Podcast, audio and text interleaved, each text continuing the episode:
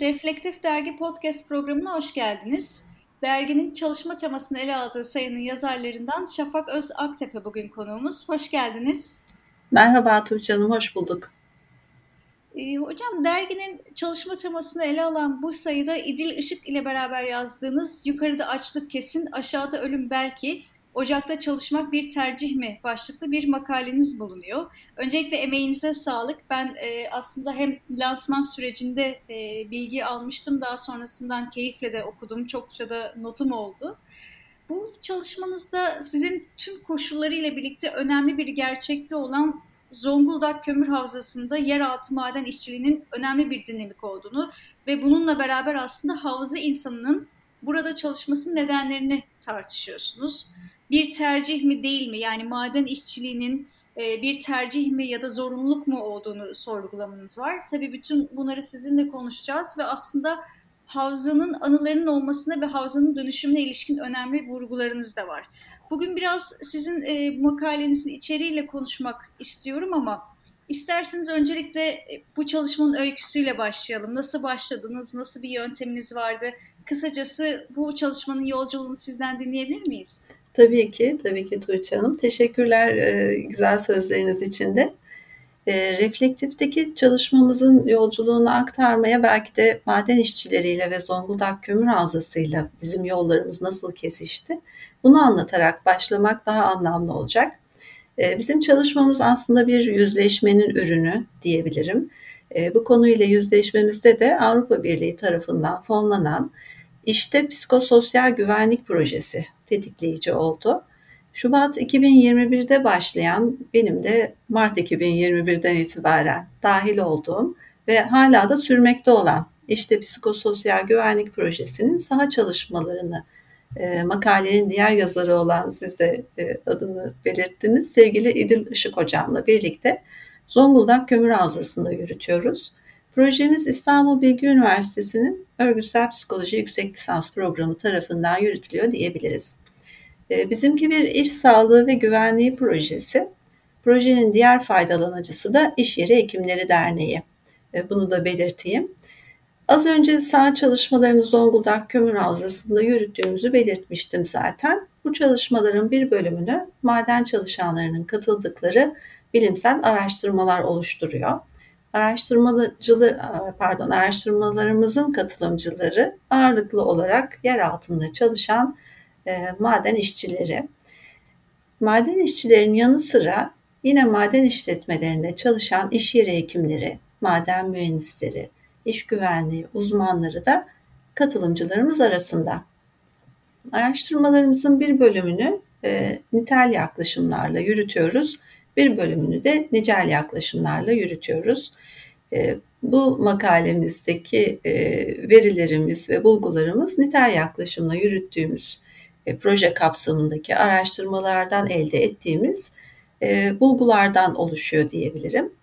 Yer altında çalışmaya ilişkin 40 iş yeri hekimi ve iş güvenliği uzmanının dahil olduğu toplam 13 odak grup görüşmesi gerçekleştirdik. E, burada aktardıklarımızda bu görüşmelerde sözünü ettiğim iş yeri hekimi ve iş güvenliği uzmanlarının aslında dillendirdikleri kısımlardan bir seçki.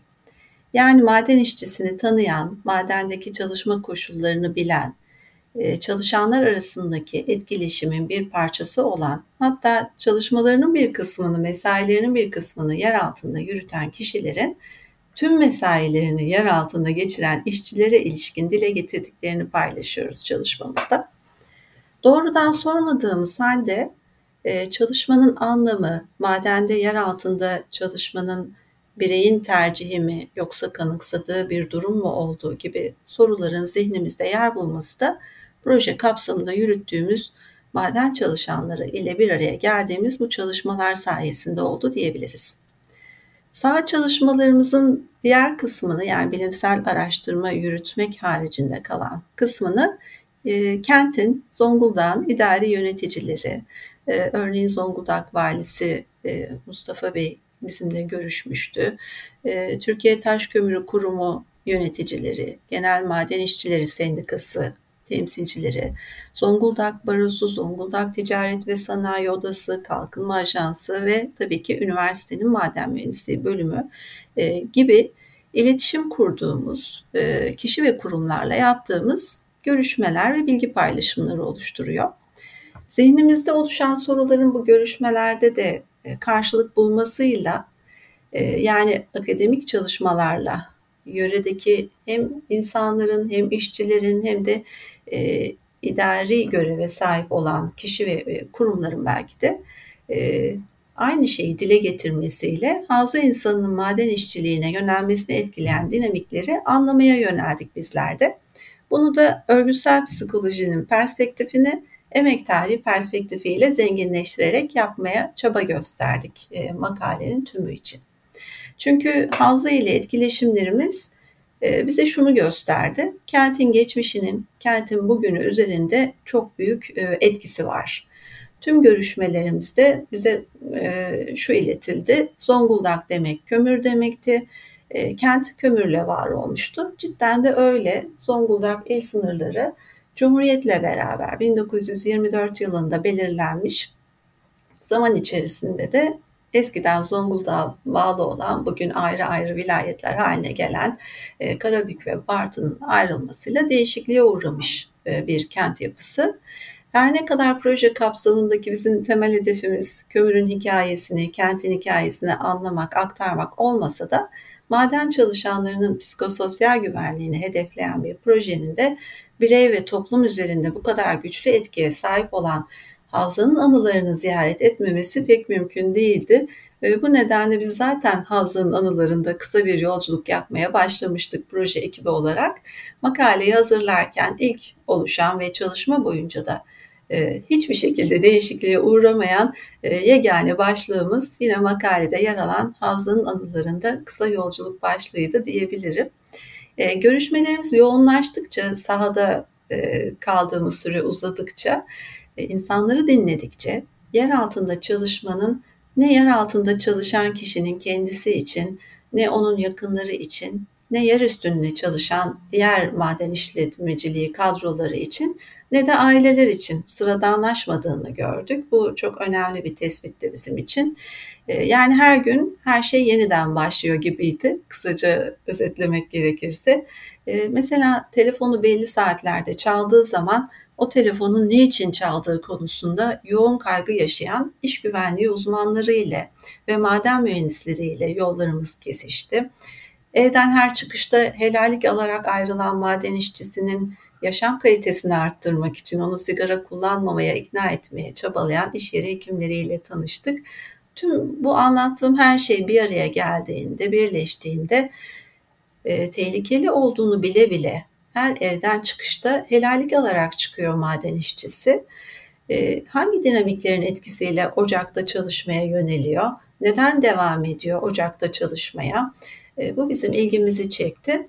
E, biz de bu konuyla ilgili az önce bahsettiğim o toplam 13 odak grup görüşmesi dahilinde bizimle paylaşılanları makalemizde paylaştık. Aslında sizin çok önemli iki e, vurgunuz vardı. Benim okurken de çok ilgimi çekmişti. Birincisi hafızanın anılarının oluşması ve şekillenmesiydi. İkincisi de e, biraz hem bunun üzerinde konuşuruz. Bir de sizin e, konuşmanızın başında yüzleşme vurgunuz bana çok önemli geldi.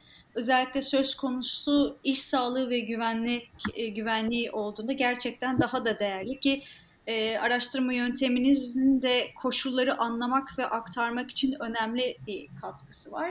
Ve siz bu çalışmanızda bahsettiğiniz gibi odak grup görüşmelerine dayanarak madencilerin maruz kaldığı psikososyal tehlike kaynaklarını sorguluyorsunuz. Bir yandan da madende çalışmanın, madende çalışmaya atfedilen anlamın hafıza anılarını oluşturduğunun altını çiziyorsunuz. Burası benim için e, çok etkileyici bir bölümdü. Dolayısıyla önemli noktalara değiniyorsunuz. Hem çalışma olgusu ile ilişkili hem de mesela maden işçiliğinin baba mesleği olarak görülmesi ya da bir yandan e, havzadaki rakamların artması gibi. Bütün bu tartışmalara baktığımızda sizin bu çalışmanızdaki e, bahsettiğiniz odak gruplarınızın içeriğine dair ve havza madencileri, havza dönüşümü ile ilgili bulgularınız neler oldu? E, hemen paylaşmaya çalışayım o kısımları da. E, biz tabii odak grup görüşmeleri yürütürken e, odağımızda her zaman psikososyal riskler yer alıyor. Psikososyal riskleri ve tabii ki onları tetikleyen tehlike kaynaklarını anlayabilmek için de bağlamı anlamak gerekiyor. Bunun için mekanla ilgili bilgiye sahip olma ihtiyacı zaten bizim Zonguldak'taki ilk saha ziyaretimizde ben Mart ayında dahil olduğumu söylemiştim. Nisan ayında hemen hızla bir saha ziyareti gerçekleştirdik. E, bizim yüzleştiğimiz, sizin de vurguladığınız gibi yüzleştiğimiz bir gerçek oldu. Çünkü insanların hayatında e, o kadar önemli bir yeri var ki geçmişin. Her şehirde bunu yaşamak mümkün değil. Başka Anadolu kentlerinde de araştırmalarımız olabiliyor. Ama Zonguldak'ta şehrin de kömürle beraber var olmasının da etkisiyle e, herkesin hafızasında, o kolektif hafızanın içerisinde kömür çok önemli bir yere sahip. İsterseniz orada iş yeri hekimi olun, isterseniz e, iş sağlığı, iş güvenliği uzmanı olun, isterseniz e, maden dışında herhangi bir işe sahip olun. Zonguldak'ta olduğunuz zaman biz gördük ki oradaki iletişimlerimizden e, maden sizin hayatınızın bir parçası. Çünkü siz aktif olarak madende çalışmıyor olsanız dahi mutlaka ailenizden birisi, e, bir komşunuz e, ya da herhangi bir e, işinizi yürütürken karşılaştığınız birisi madenci oluyor. Farklı kurumlarla temas içerisinde olduğumuzu belirtmiştim. Bunlar arasında baro, ticaret, sanayi odası var. Dolayısıyla yani kentteki e, suç oranlarını sorduğunuzda da mesela ya da kentteki hangi davaların daha fazla görüldüğünü sorduğunuzda da aldığınız yanıtın içerisinde hep bir maden var. Dolayısıyla madenden kopuk bir e, projeyi gerçekleştirmek oranın kolektif hafızasından kopuk bir şekilde sadece e, psikososyal risklerin işte e, iş yükünün fazla olması gibi daha teknik kısımlarına odaklanmak gerçekçi bir yaklaşım olmayacaktı. Bu bizi yönlendirdi öncelikle ve e, odak grup görüşmelerimizde de hem psikososyal tehlikeleri ölçmeye yönelik soruları e, ayırt etmeye çalıştık. Çünkü e, belli e, referans aldığımız ölçekler elbette ki var ama bir yandan da keşfedici bir çalışma yapıyoruz biz nitel araştırmalar yürüterek acaba daha farklı bağlamlarda gerçekleştirilmiş olan araştırmaların sonuçlarının kapsamadığı, dolayısıyla da ölçeklerde yer almayan ama bizim Zonguldak özelinde mutlaka yer vermemiz gereken e, unsurlar var mı, gerçeklikler var mı bunu keşfetmeye de çalıştığımız için olayı çok boyutlu ele almamız gerekti. Şimdi e, tabii Havza'nın analarındaki kısa yolculuk bu konuda bize çok yol gösterici oldu. Havza'daki taş kömürü işletmeciliğinin tarihsel olarak baktığımızda 1840'larda başladığı kaynaklarda ifade ediliyor. Ama daha az sayıdaki kaynakta da aslında 1830'larda da vardı oralarda e, işletmeler diyen yayınlar da var. E, hatta 1830 öncesinde de var olduğunu söylüyor. Yani orası e, yüzeyinde bile Zonguldak Kömür Havzası yüzeyinde bile belki yürürken dahi rastlanabilecek ölçüde zengin rezervlere sahip bir e, yapı sunuyor. Dolayısıyla da e, bu e, çeşitli büyüklüklerdeki işletmelerin varlığı 1800'lerden itibaren var diyebiliriz. Ama e, bir ekonomik kaynak olarak kömürün değerlendirilmesi ve enerji üretiminde değerlendirilmesi 1840'larla başlıyor. Bunun sanayi devrimiyle ilişkisini anlamaya çalıştık öncelikle. Çünkü aslında 1750 gibi kabul edersek birinci sanayi devriminin başlangıcını 1840'a gelene kadar oldukça fazla yıl geçmiş durumda. Ee, Osmanlı'nın sanayisinin gelişmemiş olması, sanayi devriminin hızının yakalanamamış olması, e, bizim topraklarımızda kömürün üreteceği buhara ihtiyacın da e, geç oluşmasına neden olmuş. Buharlı gemilerin kullanımıyla ki bunlar öncelikle yine İngilizlerin hediye ettiği gemiler oluyor. Biz o yıllarda gemi üretimi konusunda eski teknolojiyle üretim yapabilen e, bir durumdaymışız. E, ama sonrasında tabii ki bu Haliç Tersanesi'nin geliştirilmesi, yenilenmesi, Osmanlı donanmasının geliştirilmesi, büyütülmesi ve yeni teknoloji e, kullanan gemilerle donatılması e, buhara olan ihtiyacı da arttırıyor. E, böyle olunca da tabii ki kömürün enerji ile ilişkisi kurulmuş oluyor kömürün enerji ile ilişkisinin başladığı ta o 1840'lardan günümüze gelene kadar enerji ile kömür ilişkisi tabii ki değişiklikler gösteriyor.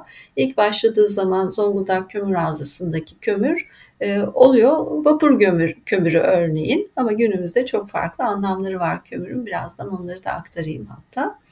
E, kömür havzası bahsettiğim bu 1840'lardan başlayan dönemde Osmanlı Devleti'ne ait e, yani yine madenler devletin günümüzde de öyle e, ama işletme hakkı özel işletmelere verilmiş ve bu işletmeciliği yapan e, kişiler de e, bu işletmelerden yeterli verimi elde edememişler diyebiliriz. Çünkü köylüler o dönemdeki kömür işçisi olmaya aday olan yegane insan grubu. E, ama köylüler de miri arazilerde yaşıyorlar. Yine devlete ait olan ama kendilerinin işleyip geçimlerini sağlayabildikleri, çiftçilik yapabildikleri, yerleşik bir düzen kurabildikleri araziler bunlar. E, çağrıldıklarında askere gidiyorlar. Böyle bir e, durum var sadece hayatlarında. Onun dışında çiftçi olduklarını söyleyebiliriz. E, maden işletmecileri de Osmanlı Devleti de köylüleri madende çalışmaya yönlendiriyor. Fakat köylüler e, madencilik kültürüne sahip değiller. Maden işi nasıl yapılır bilmiyorlar. Güvensiz buluyorlar. Hem bilmedikleri için hem e, denemedikleri için e, hem de e, zorlandıkları için belki de güvensiz buluyorlar madende çalışmayı. E, yabancı oldukları bir konu çünkü. Osmanlı donanması yenilenince az önce de söylediğim gibi büyüyünce daha fazla kömürün İstanbul'a gönderilmesi gerekiyor. Maden rezervleri var havzada fakat üretimde hedeflenen miktara e, istisale ulaşılamıyor. Enerji ihtiyacı arttıkça köylüler üzerindeki baskı artıyor. Maden işletmelerinin yönetiminin e, Bahriye nezaretine verilmesiyle ki e, bunun da sebebi e, maden işletmelerinin çıkaracağı kömürün kullanımının %90'ını e, Bahriye nezareti yani donanma yapıyor. Onun için işletmelerin yönetimi de e, Bahriye nezaretine devrediliyor. Dilaverpaşa Havza'ya gönderiliyor bu gelişmelerle beraber rezervlerin olduğu bölgeleri belirliyor, iş bölümünü planlıyor Dilaver Paşa. Hangi köylerin hangi işleri yapacaklarını belirliyor. Ereğli köylerinden söz ediyorum. Ve e, belki de ilk kez Osmanlı tarihinde iş tanımlarını oluşturuyor. 1867'de de iş yeri hekiminden söz edildiğini görüyoruz mesela nizamnamede. Ee, yine 1867'de Dilaver Paşa Nizamnamesi adıyla ilan ediliyor tüm bu düzenlemeler. Bu düzenlemeyle beraber de köylüleri madenciye dönüştürme dönemi başlıyor. E, bu noktadan itibaren işte çalışma olgusu devreye giriyor. Zorunlu çalışmanın geldiği birinci mükellefiyet uygulaması gerçekleştiriliyor ve uzun yıllarda sürüyor. 1867 ile 1921 arasında sürüyor. E, ne demek bu mükellefiyet uygulaması? Zorunlu çalıştırılma anlamına geliyor. Hani söylemiştim ya köylüler pek gönüllü değiller madende çalışmaya. Onlar çiftçilik ve ihtiyaç duyuldu çağrıldıkları askerlikten mutlular ve alışmış durumdalar. Ama bu mükellefiyet uygulamasıyla beraber 13-50 yaş aralığındaki Ereğli köylüleri belirlenen 14 tane köy var. E, bu köylerdeki erkekler e, mükellefiyete dahil ediliyorlar. Yani çalışmakla mükellef oluyorlar. Muhtarlar ve cemaat önderleri karar veriyor. Kimin askere gideceğine, kimin madene gideceğine. E, bu değişik bir durum. Çalışma olgusunun algılanmasıyla ilgili temellerin atıldığı, işte sanayileşmenin e, mesela izleri görülmeye başlanıyor. Osmanlı döneminde buharlı gemiler geliyor ve kurumsal anlamındaki anlamdaki çalışmayla e, Zonguldak Havzası insanları bu şekilde çalış, e, tanışıyorlar. Bu tanışmanın zorunluluk sonucunda olması da tabii bizim çok ilgimizi çekiyor. Çalışma olgusunun nasıl algılanacağını şekillendiren bir durum çünkü bu. İş mükellefiyeti uygulaması ile köylü madenciler kavramı ortaya çıkıyor ve bu başka ülkelerde de olan bir kavram. Literatürde bunun örneklerini görmek mümkün. Ama bizdeki ilk örnekleri o dönemde ortaya çıkıyor. Ayrıca münavebeli çalışma denen farklı bir çalışma ilişkisi ortaya çıkıyor.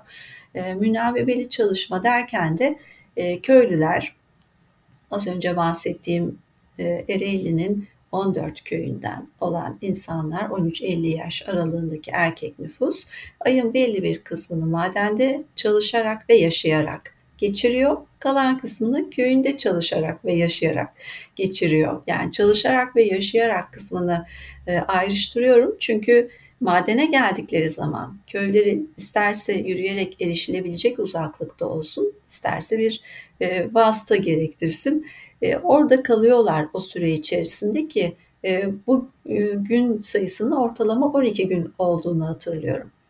Yani 12 gün boyunca ailelerinden, düzenlerinden, alışkın oldukları yaşam standartlarından ayrı kalıyorlar ve e, orada onlara e, sunulan yatakhane gibi, düzenli yemek gibi imkanlar yok. Köylerinden getirdikleri e, kuru ekmek küflenene kadar tüketiliyor ve mısır unuyla hazırladıkları bir karışım var. Protein değeri çok düşük olan ama tok tutan.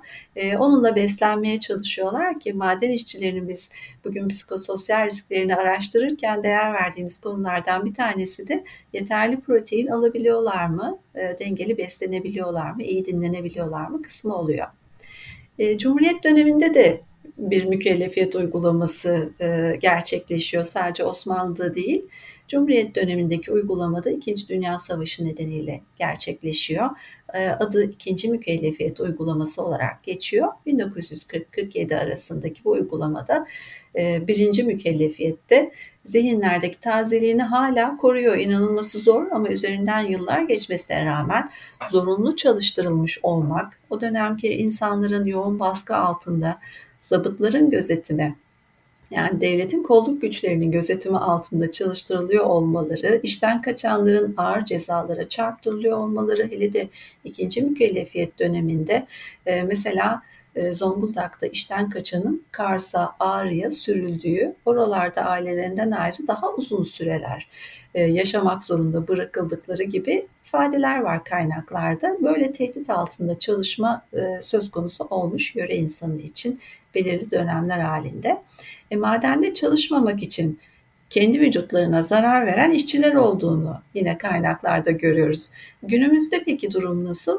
E, TTK'nın işletmelerinde madencilik yapılabiliyor. TTK'da çalışmak demek e, Türkiye Taş Kömürü Kurumu'na bağlı olan maden işletmesinde çalışmak anlamına geliyor ve devlet çalışanı olmak anlamına geliyor.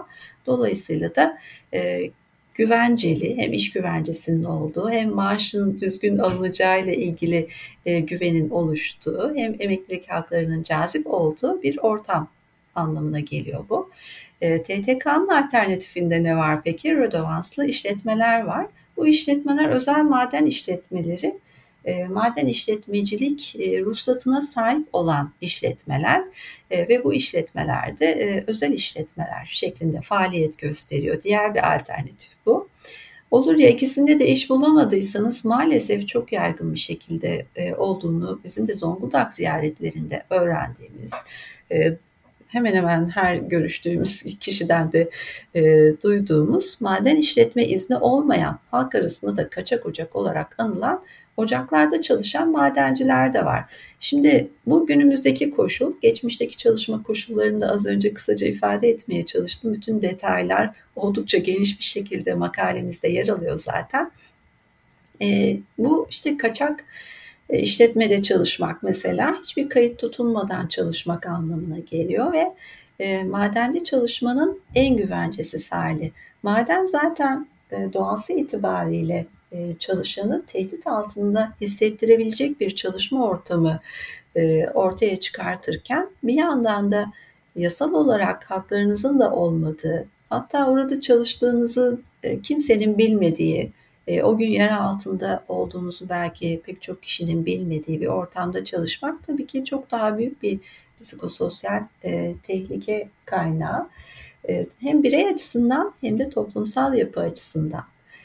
Ee, başka işlerde çalışanların da e, TTK kural, kurallarına katıldığını görüyoruz. Siz de rakamlar arttı dediniz az önce Tuğçe Hanım. E, çünkü herkes TTK'ya geçmeye çalışıyor. Bu az önce bahsettiğim güvenceli işe kavuşabilmek için madende yeraltı işçiliğine yönelimin bireyin iradesi dahilinde gerçekleştiğini söylemek gerçekçi bir bakış açısı değil. Sağ ziyaretlerimiz, bizim araştırmalarımız bize bunu gösteriyor.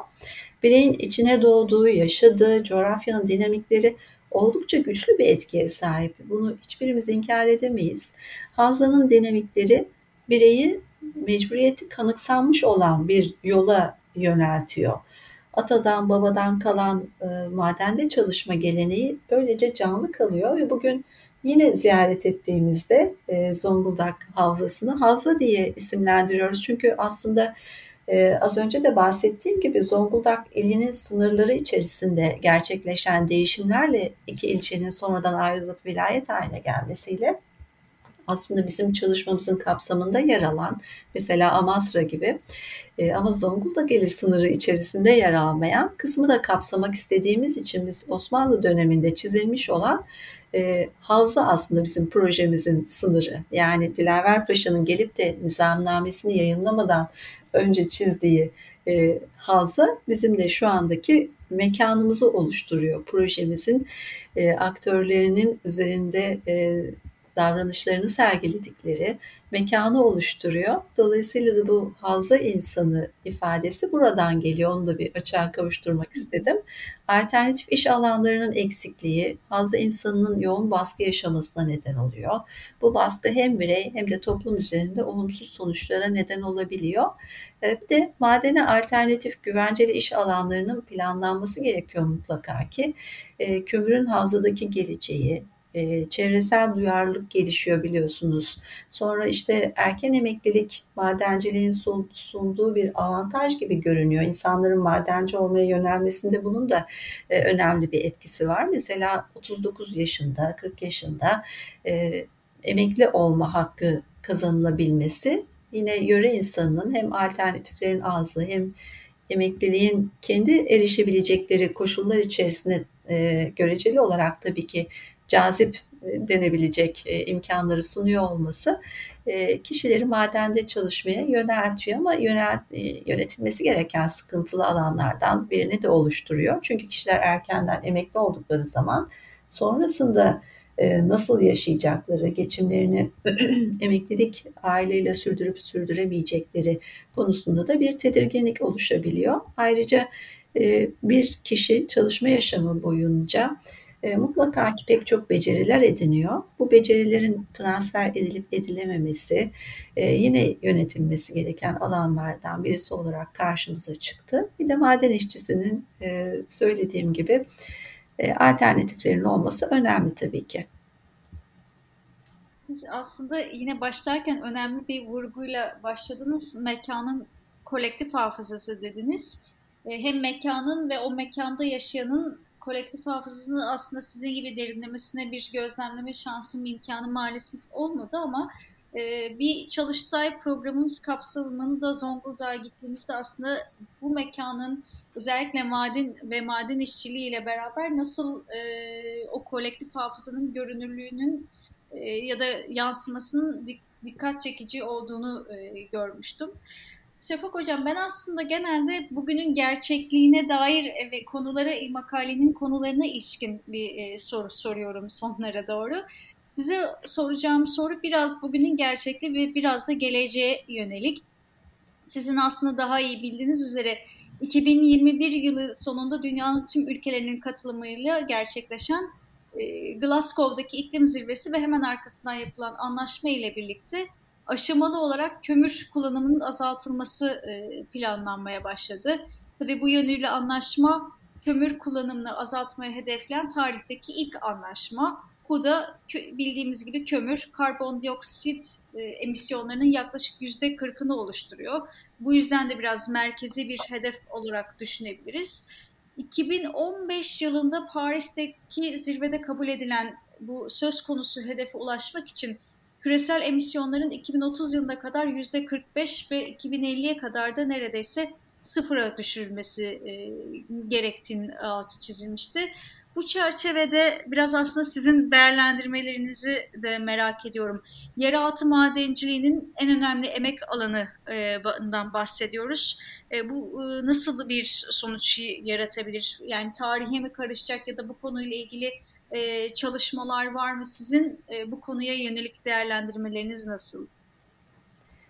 iklim krizinin olduğu reddedilemeyecek boyutlardaki bir gerçek e, ve kesinlikle acil önlemlerin alınması gerektiği konusunda e, bence toplumun büyük bir kısmı zaten e, hemfikirdir. Bunun sonuçlarını bizler de gözlemlemeye başladık. Bir 10 yıl kadar öncesinde bunların sonuçlarının bizim çocuklarımızı ya da torunlarımızı etkileyeceği konuşuluyordu. E, ama günümüzde söylem değişti tahmin ettiğimizden daha hızlı bir şekilde maalesef olumsuz etkileri yaşayabileceğimizle ilgili tedirginlik var. Belki de şimdiki kuşağı da etkileyecek olmasının söylenmesi mi acaba hızlandırdı bizleri bilmiyorum ama genel bir duyarlılıktaki artış da söz konusu. Bu duyarlılıktaki artış da tabii ki çok sevindirici. Hem bizler birey olarak kendi karar alanımızda hem de toplumsal aktörler kendi karar alanlarında harekete geçmeliler bu konuyla ilgili. Zonguldak demek evet e, kömürle kurulmuş bir kent, kömürle var olan bir kent. E, onun için kömür Zonguldak için çok önemli. Zonguldak için sadece bir e, iş alanı, bir çalışma alanı, çalışma olgusuyla eşleştirilmiş bir değer olmanın ötesinde kentin kültürüyle artık hemhal olmuş bir gerçeklik kömür. Yani her şeyin içinde kömür var. Folkloründe, edebiyatında, o yöredeki, o yöreden yetişen insanların, sanatçıların şiirlerinde, belki yönettikleri filmlerde, yazdıkları romanlarda her şeyin içinde var kömür. Onun için kömürün geleceğini belirlemek gerçekten çok hassas bir yaklaşım gerektiriyor. Kömürün geleceği e, temiz enerji makro anlamda geniş ölçeklerde tartışılan devletlerin de ellerini taşın altına koydukları konular. Mutlaka devlet düzeyindeki kararlar yeraltı madenciliğini de e, etkileyecektir. Bununla ilgili nasıl bir takvim olacak? E, bunu biz de yani hem birey olarak ben hem de proje ekibi olarak projeye başladığımız günden beri merak ediyoruz. Gittiğimiz yerlerde de bu konuyla ilgili sorularımızı yöneltiyoruz, bilgi almaya çalışıyoruz. Görüşmelerimizde havzadaki kömür rezervinin hala yüksek düzeyde olduğunu e, e, öğrendik. Bu bilgi bize aktarıldı. Kömüre ihtiyaç duyan demir çelik gibi sanayiler ve termik santrallerin varlıkları e, sürdükçe tabii ki kömüre ihtiyaç da devam edecek gibi görünüyor. Bu, bu bir gerçeklik, ekonomik gerçeklik, e, bir e, devlet düzeyinde yönetilmesi gereken bir gerçeklik. E, dolayısıyla da biz ihtiyaç duyduğumuz enerjiyi kömür dışında hangi alternatiflerle elde edebileceğiz? Bu konuda ülkemizde yaşanacak olan e, belki de atılımlarla da belirlenebilecek sonuçlarını görebileceğimiz gerçekliklerden birisi. E, hadi kömür mesela kömürün e, içerideki rezervleri e, çıkartmayla mı daha çok zarar verdiği yoksa onun kullanılmasıyla mı daha çok zarar verdiği yönünde bir e, odaklı çalışma belki bu konuda yol gösterici olacaktır. Bu çünkü kömürün iç kaynaklardan mı dış kaynaklardan mı sağlanacağı ile ilgili devlet yönetimin de e, yönetiminin de karar vermesinde yardımcı olabilecek bir veri sağlayacaktır. Ama şu an için alınmış e, kömürle ilgili bir karar bizlere yansımadı. Ee, sanırım bunu hep beraber duyabileceğiz alındığı zaman. Kömür madenlerinin işletilmemesi halinde tabii mevcut e, iş gücü e, ortaya çıkacak. Yani bir iş gücü fazlalığı ortaya çıkacak havzada yönetilmesi gereken. E, dolayısıyla da bu iş gücünün nasıl dağıtılacağı, nerelerde istihdam edileceği bunlarla ilgili de yine planlamaların yapılması gerekecek. Mevcut iş gücü belli beceri setlerine sahip bir şekilde iş gücü piyasasına dahil olur. Yine projeksiyon yapacak olursak şu anda bununla ilgili bir şey yok ama sonuçta planlama yapılacaksa bu projeksiyonların e, ışığında yapılmasında fayda var. Gerçekçi projeksiyonlar ve planlama iç içe olmalı. E, dolayısıyla da bunlar düşünülmeli. Yani belli beceri setlerine sahip bir iş gücü var. Bu beceri setleri e, transfer edilebilecek mi başka çalışma alanlarına? Planlanması gereken alanlardan birisi bu. Kentin yöneticileriyle biz görüştüğümüz zaman maden dışındaki iş alanlarının oluşturulması konusunda onların da istek ve heyecan duyduklarını gördük. E, çünkü madende çalışmak da sadece oradaki e, mevcuttaki iş gücünü bırakın göçle gelenleri mevcuttaki iş gücünü istihdam etmeye yeterli olmuyor. Maden işi e, şu anda aktif olarak devam ettiği halde işsizlik de devam ediyor paralelinde. Dolayısıyla e, zaten her halükarda yeni iş alanlarının oluşması gerekiyor. Onunla ilgili adımların atılması konusunda planlar var. Bunlar paylaşıldı kısmen bizimle. E, turizm mesela öncelikli e, planlama alanlarından birisi. E, hatta şu anda kullanılmayan e, artık aktif olmayan ocakların belki e, turizme açılması. Orada çok güzel bir mağara var biz henüz ziyaret edemedik. Oranın çevresinin düzenlenmesiyle ilgili çalışmalar yapılmış. Oraların turizme açılması, orman turizminin yapılması. E, maske üreten bir firma var, özel bir işletme. E, çok iyi miktarda bir istihdam sağlamış durumda ve kadın istihdamı konusunda özellikle çok katkıda bulunmuş yöreye. Ee, defne yağı üretimi yapmaya çalışan girişimcilerin olduğunu duyduk. Zonguldak bölgesindeki defne ağaçlarının e, yağlarından elde edilen aromatik e, defne yağının e, çok bulunması istenen e, yüksek standartta özelliklere sahip olduğuyla ilgili bilgiler paylaşıldı bizimle. Bunun gibi girişimcilik örnekleri var. Belki kültür turizmi devreye girecek. Ve bu girişimlerin desteklenmesine, özendirilmesine ihtiyaç duyduğunu düşünüyorum. E, ama bir yandan da bunların varlığı da mutlu da ediyor tabii ki. Çok teşekkür ederim. Hem keyifli hem de bilgilendirici sohbetiniz için gerçekten çok teşekkür ederiz Şafak Hocam. Ben de çok teşekkür ediyorum. Çok uzun tutmuşuz Tuğçe Hocam. evet, çok güzel oldu. Ben yine notlar aldım. Makaleyi okuduğumda da almıştım. Şimdi sizin söyledikleriniz üzerinde de notlar aldım. Tekrardan emeğinize çok e, teşekkür ederim. Reflektif Dergi'nin bu programını şimdilik sona erdiriyoruz. Makalelere ulaşmak isteyenlere erişimin web sitemizde açık olduğunu da hatırlatmak isterim. Herkese iyi günler dileriz. İyi günler.